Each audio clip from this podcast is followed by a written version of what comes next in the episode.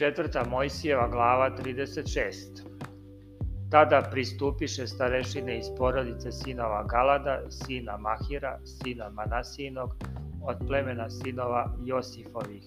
I reškoše pred Mojsijem i pred knezovima, glavarima od domova, otačkih među sinove Izrailjevi.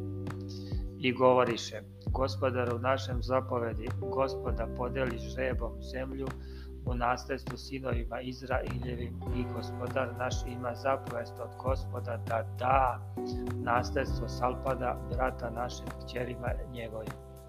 Ako se one udadu za koga iz drugog plemena sinova Izraeljevih, onda će se nasljedstvo njihovo otkupiti od nasljedstva otaca naših i dodat će se nasljedstvo onog plemena u koje se udadu.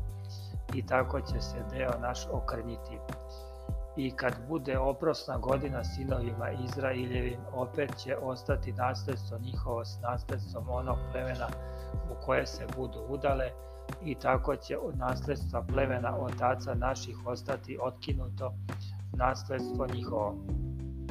Tada zapovedi Mojsije sinovima Izraeljevim po zapovesti gospodnjoj govoreći, pravo govori pleme sinova Josifovih. Ovo zapovedi gospod za kćeri Salpadove i reče, neka se udadu za koga im bude volja, ali u porodici plemena svog neka se udadu.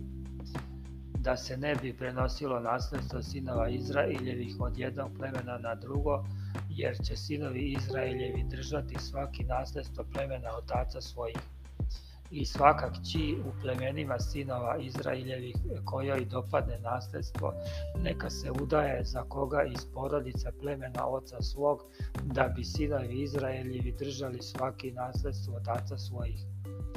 Da se ne bi prenosilo nasljedstvo od jednog plemena sinova Izraeljevih da drži svoje nasljedstvo. Kako zapovedi gospod Mojsiju, tako učiniše kćeri Salpadove jer Mala i Tersa i Egla i Melha i Nuja, kćeri Salpadove, udadoše se za sinove stričeva svojih. U porodice sinova Manasije, sina Josifovog, udadoše se i osta nasljedstvo njihovo u plemenu porodice oca njihovog. To su zapovesti i zakoni koje zapovedi gospod preko Mojsija sinovima Izraeljevim u polju Moavskom na Jordanu prema Jerihonu.